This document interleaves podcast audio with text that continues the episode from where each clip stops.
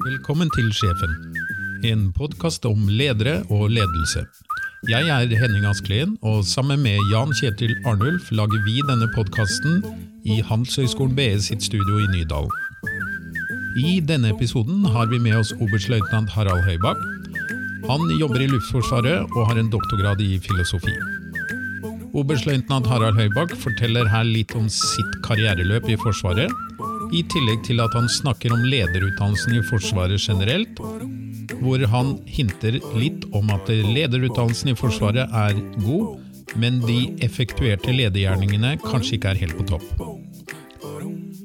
Det er kanskje slik at det er to vidt forskjellige lederstiler som må benyttes for å lede Forsvarets oppgaver i fred, kontra det å lede i krig eller i konflikter. Kjetil introduserer Harald. Harald Høibakk, oberstløytnant fortsatt. Ja. I Forsvaret. Velkommen. Takk. Dette har Henning og jeg snakka om og gleda oss til lenge. For jeg fortalte Henning om begeistret helt siden jeg hørte deg på Linderud. Vi snakka om verdibasert ledelse. Um, og da tenkte jeg for, for første deg ut, Jeg tror du presenterte deg som eh, den, den, eneste offiser med en doktorgrad i filosofi, stemmer det? Ja, det tror jeg fremdeles at jeg er. Uh, jeg har i hvert fall ikke møtt noen andre. Nei. Så de kan være der? de, de kan ikke... være der, men da har de holdt seg veldig skjul og dekke. altså. Ja, ja. Men det har ikke du? Nei, altså, nei, det kan du si. Altså, det blir jo stadig flere doktorer i Forsvaret. Eh, det gjør det jo. Tradisjonelt har det jo vært knytta til eh, si, naturfag, fysikk og ingeniører og sånn. Men nå etter hvert har det blitt flere historikere, statsvitere og sånn. Men eh, enda ingen filosofer, tror jeg. Og nå er det jo ti år siden jeg disputerte, så det bør jo komme noen snart. Mm, mm. Kan, kan ikke du fortelle litt om hva som fikk deg til å gå akkurat dit? Filosofien og historien jeg har for så vidt vært noe som har interessert meg i all tid. Men uh, for å starte med begynnelsen, så var det et behov, eller jeg syns jeg så et behov Forsvaret hadde for å tenke litt mer systematisk omkring uh, menneskelige ressurser. Altså Vi hadde kontorer for å utvikle radarer og radioer og sånn som var mitt fagfelt den gang da tenkte litt hva trenger vi om 20 år, om 30 år, men, men, hva slags kompetanse, hva slags type folk er det vi trenger om 5 år, om 10 år, om 15 år? Det var det, så vidt jeg kunne skjønne, da, fra et relativt lavt gradsnivå, ingen som egentlig tenkte systematisk på. og Da foreslo jeg det overfor daværende, min daværende sjef, at uh, kanskje jeg skal få litt tid til å gruble over slike ting, og det slo han til på. Mm. Så da starta det der med at jeg i 90 98, tenker jeg, fikk et treårig stipendiat hvor jeg fikk da full tid, arbeidstid med lønn til å studere først filosofi, eh, hvor jeg tok et hovedfag på Universitetet i Oslo. Og så tok jeg en mastergrad i historie eh, ved Universitetet i Glasgow. Det brukte jeg tre år på, eh, med alle rettigheter, holdt jeg på å si. Og det var et veldig privilegium, da. Så det var der det på en måte starta. Det er jo en, jeg vil jo si det sånn at du, det er sjenerøst. De slapp deg ut i en, en utdanningsvei som ikke var opplagt instrumentell.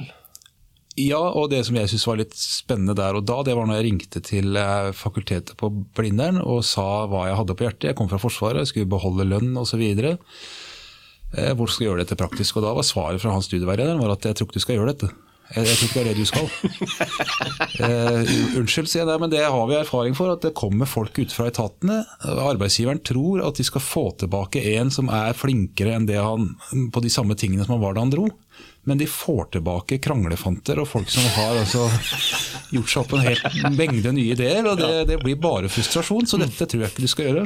Men jeg som da du vet, jeg lot meg ikke stoppe av det. Så, og jeg ble tatt godt imot og fikk gode veiledere og alt mulig, men, men akkurat den responsen der, å tro at det liksom Nei, så det har jeg vel erfart litt, og, og, og det var litt tilfeldig for så vidt. Men sjefen min og institusjonen jeg tilhørte ble jo lagt ned i dette her vanvittige omstillingsløpet som har vært i Forsvaret. Så mens jeg var ute, så forsvant jo alle planene vi hadde på mine vegne. Mm.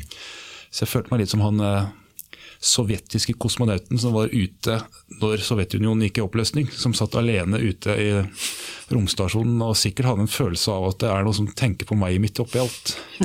Så, så da kom du tilbake som en kranglefant? Nei, kom, egentlig så kom jeg ikke tilbake i det hele tatt. Eh, altså, de fant ikke noe til meg, så jeg søkte da på en, eh, en jobb i Forsvarsdepartementet som sivil. Så da fikk jeg permisjon. Da gikk jeg rett fra treårig stipend og rett ut i stipendiat, eh, unnskyld, rett ut i, i permisjon. Så jobba jeg som sivil i departementet noen år. Før det gikk opp et lys for Luftforsvaret, da, som jeg tilhører, at eh, er det ikke da bedre at han er på vårt lag, liksom, når han har fått utdanning av oss? Han trives åpenbart i departementet, og vi har jo stillinger i departementet. Er det ikke da bedre at han går der i vår uniform, enn at han skal gå der og være sivil? Så søkte jeg meg tilbake. Og da havna jeg ikke i departementet, men på stabsskolen. Og litt sånn er Forsvarets uh, veier. Det er litt vanskelig å planlegge noen ganger. men så jeg kom tilbake fra permisjon eh, til, eh, som lærer da, til det som nå er Forsvarets høgskole, som het Stabsskolen da. Og det er helt tilbake i 2004. Så det er jo mange år siden, egentlig. Hva, hva vil du si er den for deg, liksom, når du nå så kommer du tilbake til Forsvaret, ikke sant? og så fortsetter dette her sitt glade løp? da. Hva har vært, Ved å være filosof, hva, hva, hva tenker du er den dagligste, mest instrumentelle nytten du har av det når du er i uniform? Instrumentelle nytten uh, jeg, tror det har jo vært knytta til uh, undervisning. Uh, og da føler jeg kanskje på et litt høyere nivå. Ikke nødvendigvis høyere i sånn kunnskapsnivå og, og, hvor avansert det er, men når vi får inn studenter som har halve arbeidslivet bak seg. altså Våre studenter på stabsskolen var jo folk, og er, folk i 35-40-45, noen helt opp i 50 år, som hadde lang fartstid, eh, hadde opplevd mye. Som vi likte å si at de hadde altså ræva full av erfaring, huet full av fordommer. ikke sant? De hadde opplevd alt, mm. tenkt alle tankene, eh, visste hvordan dette var, og de skulle komme på stabsskolen for å tick in the box og få den godkjente. ikke sant? Så var liksom Utfordringa vår var at eh, vi har ikke så fryktelig mye å lære de av sånne teknikker og metoder, og sånt, for det har de når de kommer. Men det er det der å prøve å se et eh, helhetsperspektiv, for de kommer fra sine siloer. Noen har vært flyvere, noen har vært på ubåt, noen har vært på fregatter, noen har vært forvaltningsfolk. altså De kommer fra hele Forsvarets veldige bredde. Og de som kommer inn på stabsskolen har vært flinke folk i sine siloer, men når de er ferdig der, så skal de se hele Forsvaret, og de skal se Forsvaret som en del av samfunnet. Og Da har jeg hatt nytte av tror jeg, å være litt spørrende, litt kritisk, kanskje litt hard i klypa. Ha litt sånn ufortjent kanskje akademisk selvtillit. At jeg er ikke redd for å, å si noe som er dumt. For hvis noen syns at dette høres banalt ut, at dette er enkelt, så tenker jeg kanskje at det er sikkert så kjempelurt at jeg ikke forstår hvor smart det egentlig er. Så det er så det, er, eh, det, så det, er, det jeg føler har vært min store nytte. At jeg har hatt litt sånn eh, Kall det akademisk selvtillit. Det der eh, å ha liksom disse titlene i bånn. Man har studert filosofi, det høres litt skummelt ut. Som gjør at de tingene man har. Men jeg, jeg, det å være ved stavskolen, som jeg var helt fram til i fjor sommer, har jo vært et kjempeprivilegium nettopp av den grunn. At jeg som lærer lærer jo egentlig minst like mye av studentene, fordi at de har med seg så mye fra hele bredden og fra de aller siste operasjonene vi har vært med. Så det er ikke sånn at jeg bare øser av mine ting. Like mye at de forteller meg, og ikke minst hverandre, hvordan er dette forsvaret vårt egentlig henger sammen. Mm. Det høres jo Det er jo litt eh, likt det som vi gjør her på BI Executive. den forstand at vi, jeg, Der får jeg jo inn masse folk som kan kjempemye. Også I henhold til departementets krav så skal vi ha såkalte læringsutbyttebeskrivelser. Det vil si at jeg skal vite på forhånd hva en sånn fyr som Henning, eller sånn som deg, da, hvis du kommer hit, hva dere trenger å lære. Som om jeg hadde noen forutsetning for å vite det. Så, men, men det, er, det, er, jo veldig interessant, syns jeg, det du sier om, om, alle organisasjoners behov for å beholde et refleksjonsnivå. Altså det, du klarer å utdanne teknikere og spesialister innenfor alle slags bransjer et visst stykke, så kan de følge prosedyrer. Men så kommer du til et nivå hvor, hvor, vi er nødt til å begynne å reflektere. Mm. Og det er jo eh, vi kan vel si at det finnes noen organisasjoner som er flinkere til å framelske det enn andre. Det er ikke så lett å bevare et refleksjonsrom i organisasjoner bestandig. Det er vel, det er vel ikke lettest i, i Forsvaret, eller? Nei, eh, det jeg var litt heldig med, var jo timinga sånn med tanke på den kalde krigen som da slutta brått og brutalt tidlig på 90-tallet. Jobben ble borte? mener Ja, jobben ble borte. Jeg husker jo, jeg var jo kadett på Luftkrigsskolen den høsten hvor, eh, og inn mot vinteren hvor Sovjetunionen går i oppløsning og hvor, hvor lærerne er jo fortvila. Jeg husker han som hadde oss i etterretningslære, var jo sånn at det, eh, pensum er jo sånn som det er. og liksom, Vi har jo kommet et stykke inn i altså Skal vi ikke bare nå kjøre gjennom, da, selv om på en måte ja. Eh, temaet er forsvunnet over natta. Så jeg, det var jo Så liksom, eh, men da utover på 90-tallet så, så, ble en del av disse spørsmålene man tidligere ikke hadde stilt. altså Hvorfor har vi et forsvar og sånn? For tidligere så var det nok å se på kartet, liksom. Mm. Og, så det var, og, min, han som da var sjefen min, som liksom Jo, det har, kan jeg tenke meg faktisk å bruke tre årslønninger på. At du går og tenker på litt sånn disse store hvorfor-spørsmåla og sånn. Eh, så, så, der var jeg nok litt heldig med den timinga der. og så så har nok, og sånn er nok i Forsvaret som i alle store organisasjoner, så, så er nok ledere generelt mest opptatt av folk som er løsningsorientert, som ikke er en del av problemet. Og det har vært mye, mye frustrasjon og friksjon i det militære utdanningssystemet nå de senere år, i forbindelse med omorganiseringer og nedskjæringer. Og sånn, mm, som akkurat du var inne på det der med å at alt skal kunne dokumenteres. altså det der med Hvilke utdanningsmål er det, liksom, og alt det her. og Da er veldig mye av de viktige tingene som går på modning, og, og, og det der som vi er litt på jakt etter, er å prøve å gi de halvgamle studentene et helhetsperspektiv, og også et perspektiv som går ut av Forsvaret, og hvor de ser samfunnet og Forsvaret som del av samfunnet. Der er det veldig vanskelig der å kunne si på forhånd at etter du har gått her, så skal du kunne disse tingene. For vi er ikke så opptatt av de kaller de kunnskapstingene. Vi er mer opptatt av eh, refleksjonsnivå og det der klare å se seg sjøl og sin virksomhet i et litt annet lys enn da du starta. Mm. Eh, så det har vært, eh, det har vært en utfordring, uten tvil. Jeg, jeg syns det er veldig spennende å høre på. Nå er det klart at Dette er jo filtrert gjennom en filosof, så det må vi ta med i betraktning. ja. Men men eh, en av de tingene som gjør at vi er jo fryktelig glad for å ha deg her, det er jo at vi har jo Henning og jeg sittet og diskutert ledelse i eh, liksom en haug med folk. Altså hva er dette for noe? Mm. Uh, og Det begynte jo faktisk med at Henning og jeg vi møttes i Shanghai på at jeg holdt et kurs i ledelse, og der satt han og kunne det fra før av. Så vi har diskutert dette ever since. Men du Harald, du er jo da kommer fra en etat, altså en hel institusjon, som veldig ofte brukes som et eksempel på at Forsvaret, der veit de hva ledelse er. Er det sånn? Ja eller nei. Eller, altså, jeg har jo, det er du kjent med. Jeg, jo, jeg mener jo at den utdanninga vi gir i bånn, eh, altså både en kombinasjon av ledelsesteorier, da, men, men spesielt den praksisbiten, at for unge befalselever som vi hadde, eh, kadetter på krigsskolen, at de utsettes for reelle og ekte ledelsesutfordringer fra de er veldig unge, gjerne i krevende situasjoner, eh, gjør at den utdanningspakka vi gir i bånn, er god, og de studentene vi har, er også gode. Altså de er selekterte både fysisk og medisinsk og med skolekarakterer osv. Så, videre. så utgangspunktet vårt er veldig godt, er min oppfatning grunnpakka vi gir er veldig god, er igjen min oppfatning. Og så er jeg den oppfatninga at eh, ledelsen etter hvert i Forsvaret den står ikke helt i stil. Så Det har jeg jo tatt til orde for. at Det er påfallende merkelig at våre unge generaler, altså vi går av med pensjon i en alder av 60 år, hvor, vel, hvor, få av de som egentlig får noe spennende å gjøre etter de går av med pensjon. Mm. Da skulle man sett for seg at eh, de har i hvert fall ti gode år, da, eh, sånn med tanke på alder, og, og kunne bli henta av næringslivet, av politiske partier, av frivillige organisasjoner. Vi har noen unntak, eh, men relativt få.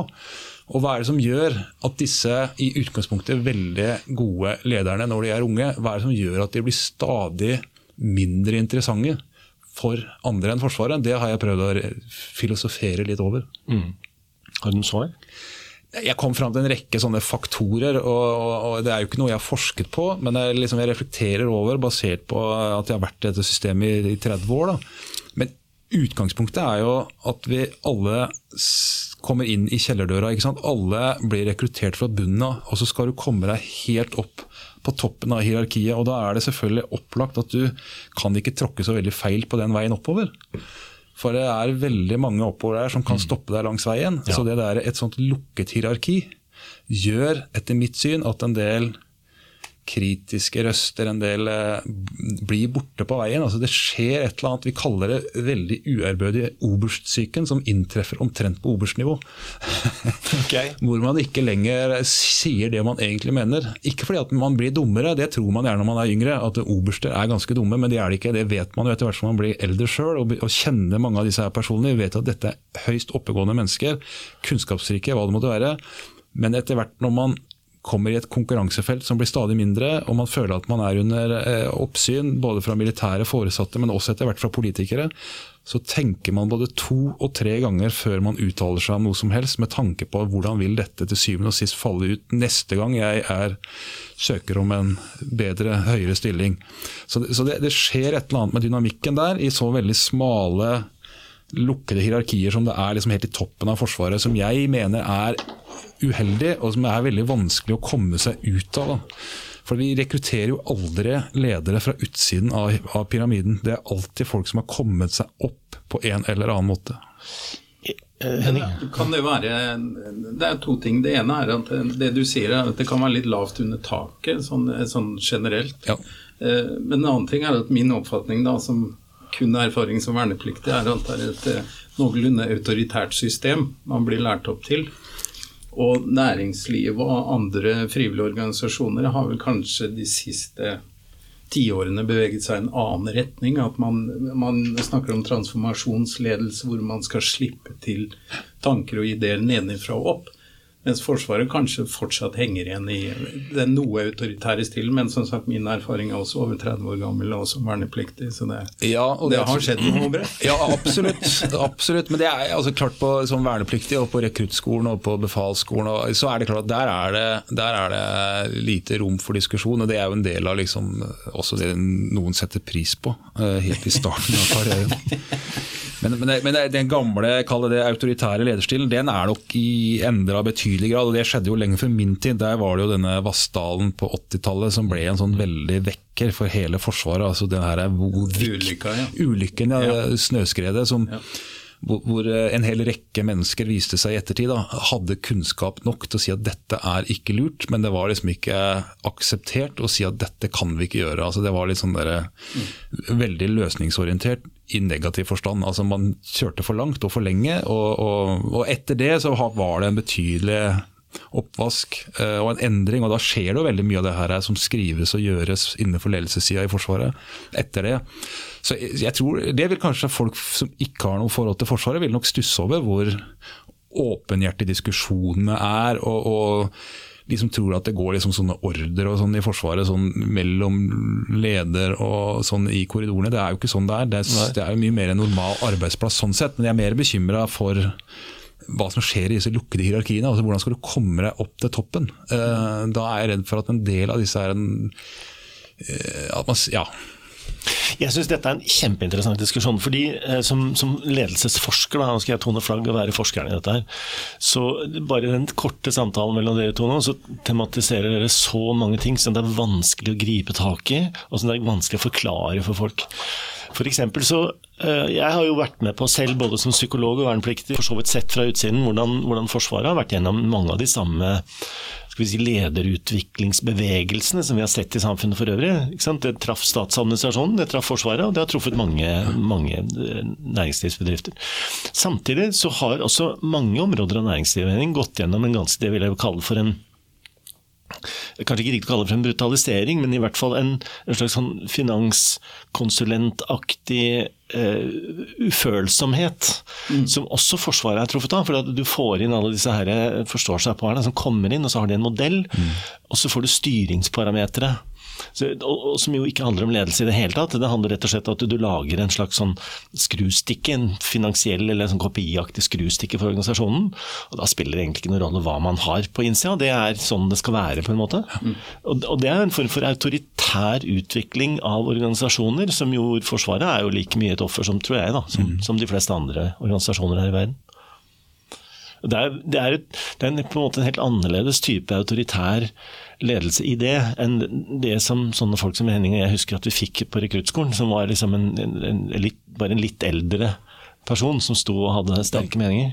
Hvis du, rygger, hvis du rygger det litt, da Jeg kan se det at det har skjedd, forhåpentligvis. Men det du også sier, Harald, er at på lavere nivå, som da er f.eks. de yngste befalene, de første befalene som håndterer da vernepliktige, så er jo denne autoritære, den styrende, ikke den ledende, men mer den styrende stilen, den er vel der fortsatt. For man skal faktisk drille i gang en tropp med vernepliktige, en hel bunt med 19-åringen som må se å komme i gang. De har ett år på seg å få dem til å ha en gitt form for grunnkompetanse Kan det være slik at de, de, de befalene, da, når de går videre internt i Forsvaret, at de, at de opprettholder den metodikken eller den måten å kommunisere, den måten å få ting løst, når de senere skjedde blir løytnanter som styrer sersjanter, eller, ikke sant? Eller sivilt ansatte som de har i gangene. At, at, man kan beholde noe av de egenskapene, eller er det Ja, altså Du har nok rett i at det er jo ikke helt borte. Og, og igjen, altså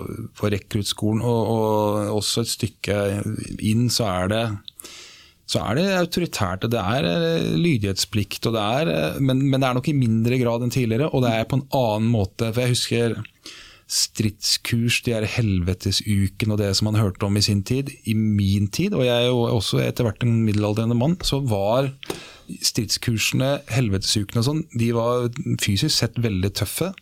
Men veldig mye av det tullet var borte. Altså, altså Bare noen år før så fikk du sånne ko-ko-oppgaver. Du skulle sette deg i elva, holde igjen vannet og du skulle, altså Sånn tullball.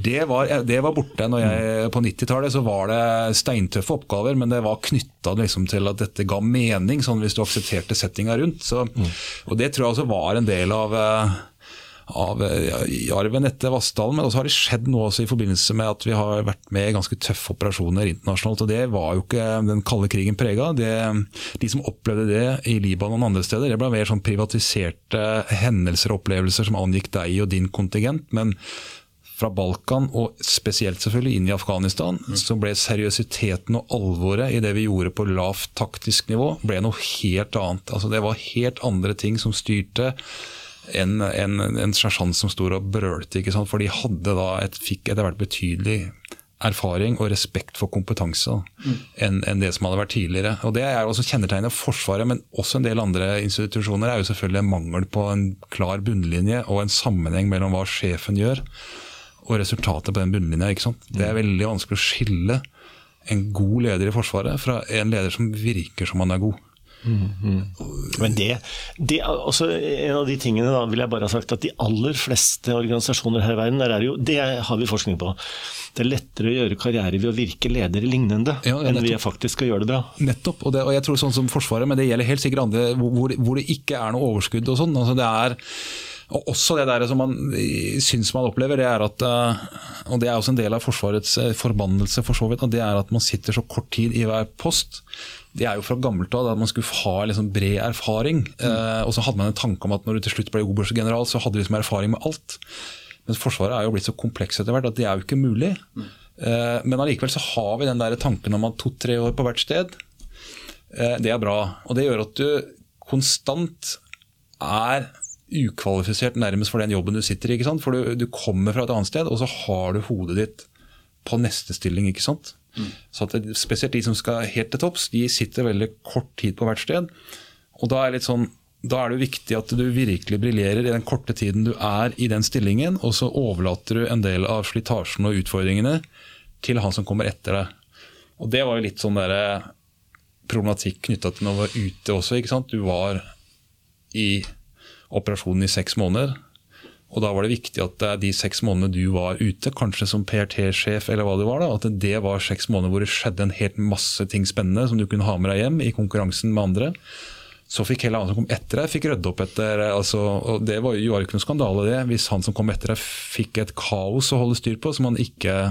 Så Vi, vi mista veldig den der langsiktigheten, fordi man fokuserte på seg og sitt. og det der, som du sier, da, det der å, frems, å være lederlignende og virke veldig effektiv, som sliter ut organisasjonen på kort tid. Da, hvis det kommer veldig mange sånne som skal være, tenke kortsiktig, skal skje spennende ting her og nå. Uh, det også er en del av den totalpakka som gjør at jeg føler at ledelsen i Forsvaret ikke er så bra som den burde ha vært, med det utgangspunktet vi har.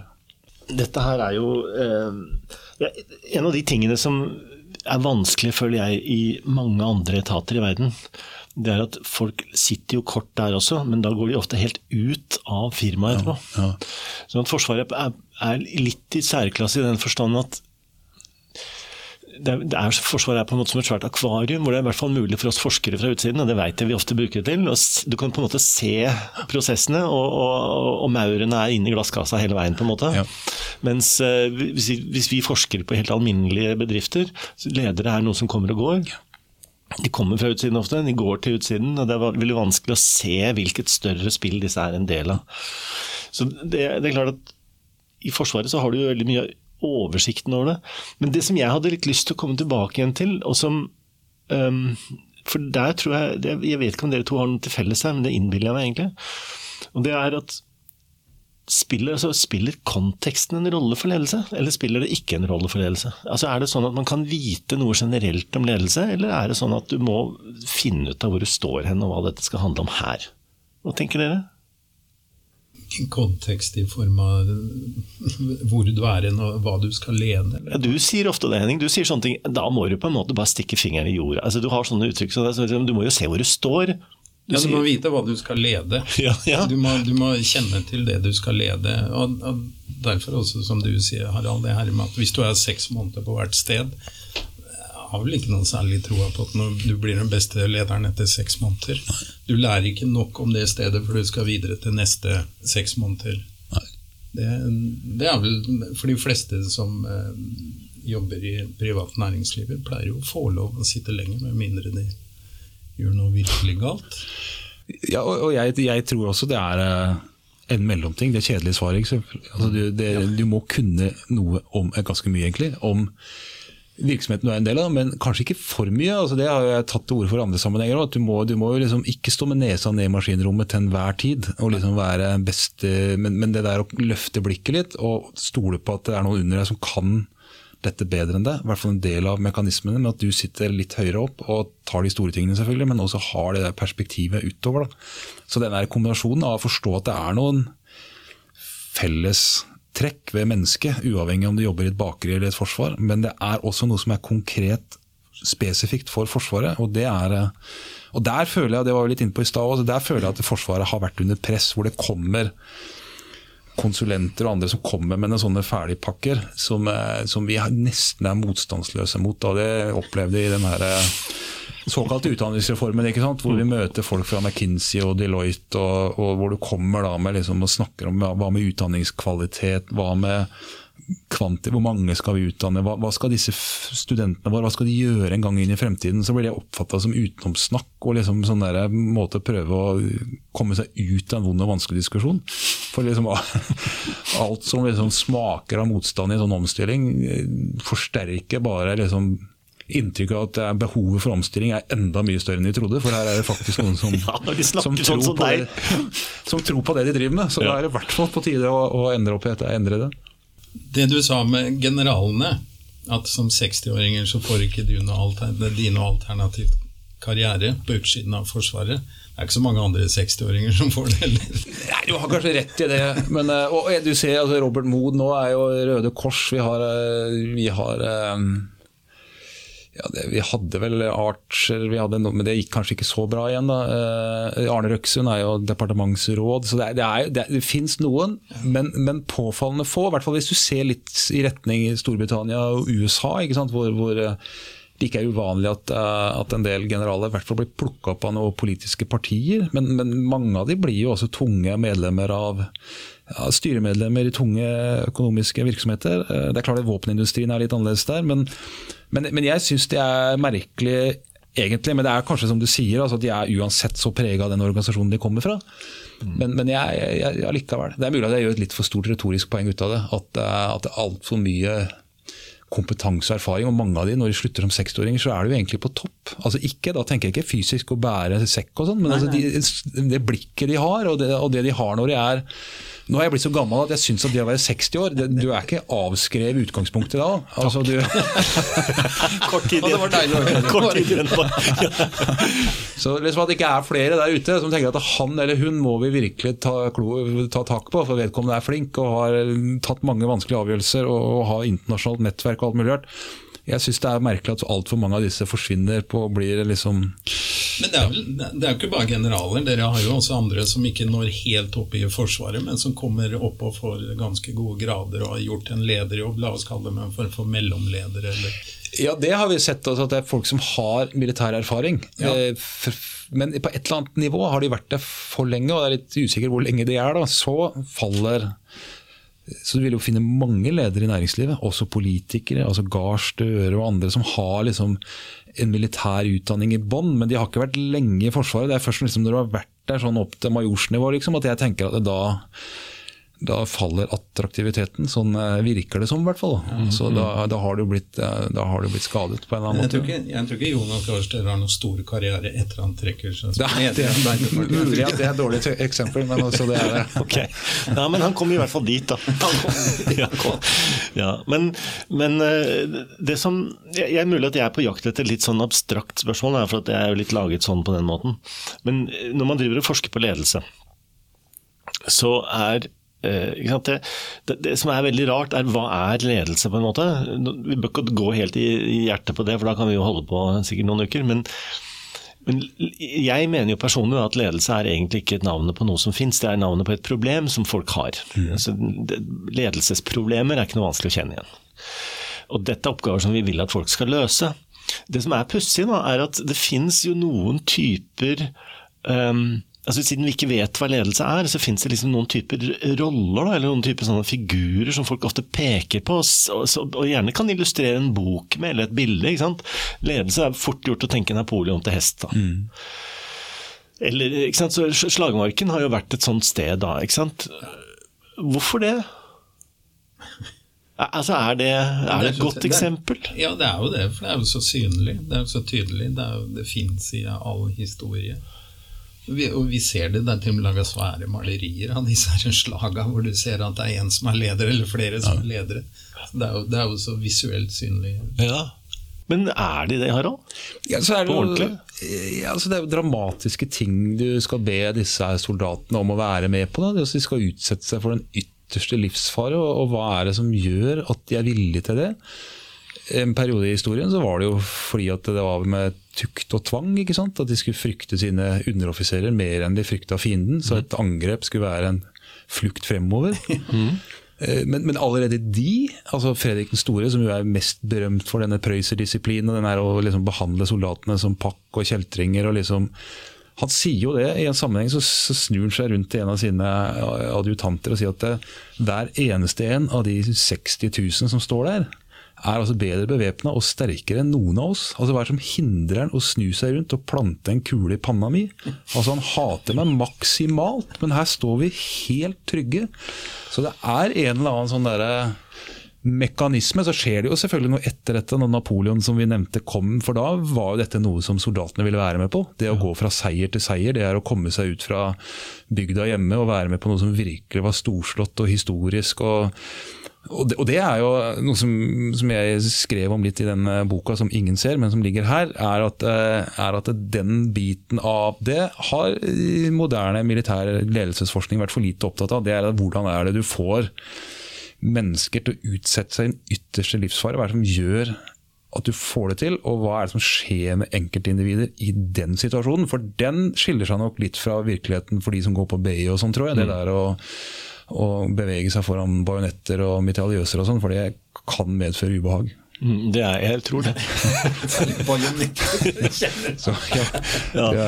Men det, for det var der litt jeg fiska etter deg også, skjønner du, Henning. Fordi at um, Jeg har jo lest det du har skrevet, og jeg tror du har helt rett. Jeg tror at når, du, når man tenker på et sånt scenario som en slagmark, eller altså en skarp, en skarp situasjon, da, som vi tenker i dag, kanskje ikke en svær, diger slagmark, men et farlig, et farlig scenario så er jo ikke det situasjoner, heldigvis, som vi driver og trener folk på normalt når jeg driver lederutvikling i et sant? Det er oftest ikke. Men Henning, du har også sagt når vi diskuterer f.eks. entreprenørskap og sånn, at det, det, finnes noen veldig ubehagelige, risikable valg du må ta. Mm. Altså, du, må, du tror jo ikke på folk som bare kommer inn med store ord. Du vil jo gjerne se at de på en måte forplikter seg til noe som er litt risikabelt? tror du? Ja, for jeg tror, jeg tror at det finnes noen risikoer som faktisk er større enn å bli trua med bajonetter. Som føles sterkere. Jeg tror det er mange som føler at de har hatt et like stort fall i næringslivet ved å ta risiko som du ville følt hvis du står foran en kjempende styrke, da, at du er i en krigssituasjon. Eh, sånn at eh, Jeg tror rett og slett at risikoproblematikken også finnes der i, i andre organisasjoner, slik som det er i Forsvaret. Men, men, det er klart at det er vel veldig få som eh, kan skrive på hva det heter, eh, stillingsinstruksen at uh, unngå å dø. Ja. Det kunne man jo brukt i Forsvaret med en av punktene. Prøve å unngå å dø, for det er lønnsomt for hele operasjonen. Ja, ja. Jeg, jeg, tror du har helt rett i det, og det faktisk kan ta enda hardere i å si at risikoen i det private næringsliv er nok større, og føles nok større, enn i Forsvaret. For du kan jo si at Forsvaret er et sted for trygghetssøkende mennesker, paradoksalt nok. ikke sant? For vi, er, vi, frykter ikke å gå konkurs. Nei. Lønna kommer, ikke i strie strømmer, men den kommer jevnlig. Uh, mens i næringslivet tenker jeg da, at da kan du stå overfor beslutninger som får altså katastrofale konsekvenser, i anførselstegn, i den forstand at folk kan miste jobben sin. altså men i, i, Forsvaret så har du at du tenker jeg da, du vil få disse her helt sånne fysiske reaksjonene òg. Altså det derre Hva skjer med, når kroppen slår inn? Altså når, når det her freeze, eh, fight, det, den mekanismen kommer i tillegg. og der det er altså noe jeg syns jeg oppdaga. Altså det er i forbindelse med Afghanistan, og vi hadde i den Afghanistan-rapporten Lytterne kjenner vel ikke til den, men altså Eh, Godal, Bjørn Tore Godal leda et utvalg i 18 måneder, hvor, hvor, utvalget belyste Norges erfaringer i Afghanistan fra 2001 til 2014. Hvor de så på hele innsatsen fra Forsvaret, bistand, fred og forsoning. Veldig omfattende arbeid, veldig spennende. Jeg var en del av det. Veldig spennende å se hele bildet. Men der også følte jeg at det var nærmest tabu i sånne intervjusituasjoner å peke på utfordring i lederskap på lavt nivå knytta til angst, frykt, panikk. Alle visste om det, og du skal ikke ha vært mange minuttene i en av messene i Forsvaret og prate om løst og fast før du hører historier om hva som egentlig skjer når det står om livet. Men det var ikke takhøyde for, det er ikke rom for, det er ikke noe arena hvor man tar tak i dette og snakker litt systematisk om det. Og da er jeg redd for at hvis man ikke forbereder unge offiserer på hva som kommer, så er vi med på å gjøre problemet større. Altså Man blir så overraska når man ser hva som faktisk skjer. Man er ikke forberedt på det, fordi man har lest litt sånne glansede lederskapsprodukter hvor man ikke er opptatt av det i det hele tatt. Og så kommer man ut og ser man at det var jo ikke sånn. Altså, her, altså Lagføreren har slutta å virke. Mm. Han sitter i bånn av kjøretøyet. Ja, du skjønner. Så, og det overraska meg litt. Som jeg var inne på i stad, vi har blitt veldig mye profesjonelle. Vi har nå masse erfaring som organisasjon. Allikevel så er det noen sånne områder vi ikke vil snakke om, og det er jeg litt over. Noe, det, altså, under Vietnamkrigen så var jo media en aktør som faktisk eh, skapte et frykt, altså bidro til å, å, male det fryktelige bildet som ja. da kom. Og Etter Vietnamkrigen så har det jo ikke vært noen media som har vist fram virkeligheten med krig på samme måte. Jeg syns jo mye av de rapportene man hører når det har skjedd ting i f.eks. Afghanistan-konflikten, så vi som ikke tilhører den sfæren som er i nærheten av det, på en eller annen måte. Vi, vi, vet jo bare det som står i media, og det har ikke vært noen fryktelige historier der. annet enn helt, det var vel en, Jeg husker jeg leste noe om en sånn eh, en kvinnelig sånn skarpskytter som uttalte seg litt ja, ja. for åpent. Det er vel det eneste jeg liksom la merke til som var litt sånn skummelt, da, hvor man fikk en følelse av ja, ja, vi dreper folk der nede. Ja. ja. Nei, det, det, altså, det, som skilte Vietnamkrigen, var jo punkt én at eh, fjernsyn, TV, da, ble jo en del av eh, Det var den første krigen hvor, hvor det helt tatt var mulig å bringe levende bilder inn til stuene til folk. Og så var det jo at eh, det var en del veldig dristige, ambisiøse journalister. Etter hvert nå så har det blitt veldig sånn kontrollert. ikke sant? Hvis du kommer til Irak-krigen i 91, så jo, ble jo journalistene frakta fra og liksom ble servert de tingene de skulle se. Ja. Afghanistan har jo vært noen frittgående journalister, men en del av dem har jo liksom gått med på disse pakkene hvor de får presentert det bildet man ønsker å, å vise dem. Men, men, jeg tenker ikke, i Afghanistan så har ikke nordmenn for så vidt vært i sånne store som ligner på Vietnam i omfang, altså, men for den enkelte. Mm. Altså når, når, du blir beskutt, du føler at du er i en felle, du skjønner at det her er det siste jeg gjør. Så setter inn en del sånne mekanismer, og noen håndterer det. Eh, og vi har jo håndtert det vi hadde ikke så veldig mange fallende i Afghanistan. Det var jo selvfølgelig De ti som falt, var jo ti for mye i det perspektivet. Men, men i et sånt militært perspektiv så er det jo et lite tall. Men, men, for de som blir utsatt for det, så skjer det en hel rekke ting som jeg tenker at dette må jo være veldig interessant for Forsvaret å ta vare på og bruke som en del av sin utdanning og kollektiv erfaring. Men det, jeg stussa litt over hvor, hvor lite villige vi er til å dele de erfaringene og ta i de og bruke de. Eh, igjen, Det kan sikkert skje, og det skjer på brakka og liksom sånn uformelt, men at eh, Forsvaret som organisasjon tar tak i dette, det, det, ble, det var en overraskelse for meg i løpet av det arbeidet. Mm. Kan, det være, kan det ligne litt på hvordan vårt samfunn eh, har håndtert selvmordsproblematikk generelt? Ja, det kan det kanskje være. At det er ting som er vonde og vanskelig å ta i. og Da er det kanskje lettere å bare la det være. Men jeg, men jeg syns det blir feil da, når det gjelder Forsvaret. For vi, vi, må tenke at vi skal gjøre dette igjen. Vi vet ja. ikke når og vi vet ikke hvor. og da og det som, For det har jeg ofte tenkt når jeg hører nyhetene bare, og til debatter i Stortinget. Så jeg tenker nå er politikerne overrasket igjen over at noen ble skadd. Ja. Så det, det, er liksom den tanken som ofte slår meg. Men, men eh, jeg, jeg, for det første så tenker jeg at fra et psykologisk standpunkt så har du jo helt rett. og, og um, så vidt jeg husker da, Clausewitz er jo en av de som på en måte snakker direkte om det. og Du ja. har jo et par andre interessante kilder altså, som du skriver om. Ja. Clausewitz skriver jo at det er angsten er det mediet som krigen skal bevege seg i. Det er det som er hele poenget. Og at dessuten så sier han at, litt sånn som Henning sa, at det er ikke noe vanskelig å få folk i og for seg i løpet av ganske kort tid til å bli veldig begeistret for å utsette seg for sånn fare. Men det er bare i veldig veldig korte tidsøyeblikk. For hvis han sier hvis du skal ta det i lengre doser over dager og uker, så er det mye tøffere med en gang. Ja, og og hvert fall hvis han motstanderen du står overfor eh, oppfattes som minst like sterk som deg sjøl, da begynner det å bli utrivelig. Men det som var eh, med Clauswitz, var jo at han opplevde dette fra han var veldig ung og på veldig lavt nivå. så han altså Han hadde kjent det på kroppen lenge før han begynte å filosofere over det. Men veldig mange andre har jo gått holdt på å si, motsatt vei. Eller i hvert fall de har ikke den der fysiske, kroppslige opplevelsen av krig som han hadde. da. Vi avslutter nå del én av podkasten med denne filosofiske oberstløytnanten, men regner med å komme tilbake med flere betraktninger fra Harald i en senere podkast. Frem til den tid kan lytterne gjerne finne frem boken 'Militær ledelse' av Johansen, Fosse og Bo. Boken er nylig utgitt på Fagbokforlaget, og i kapittel tre har Harald Høybakk gitt et historisk overblikk på militær ledelsesforskning.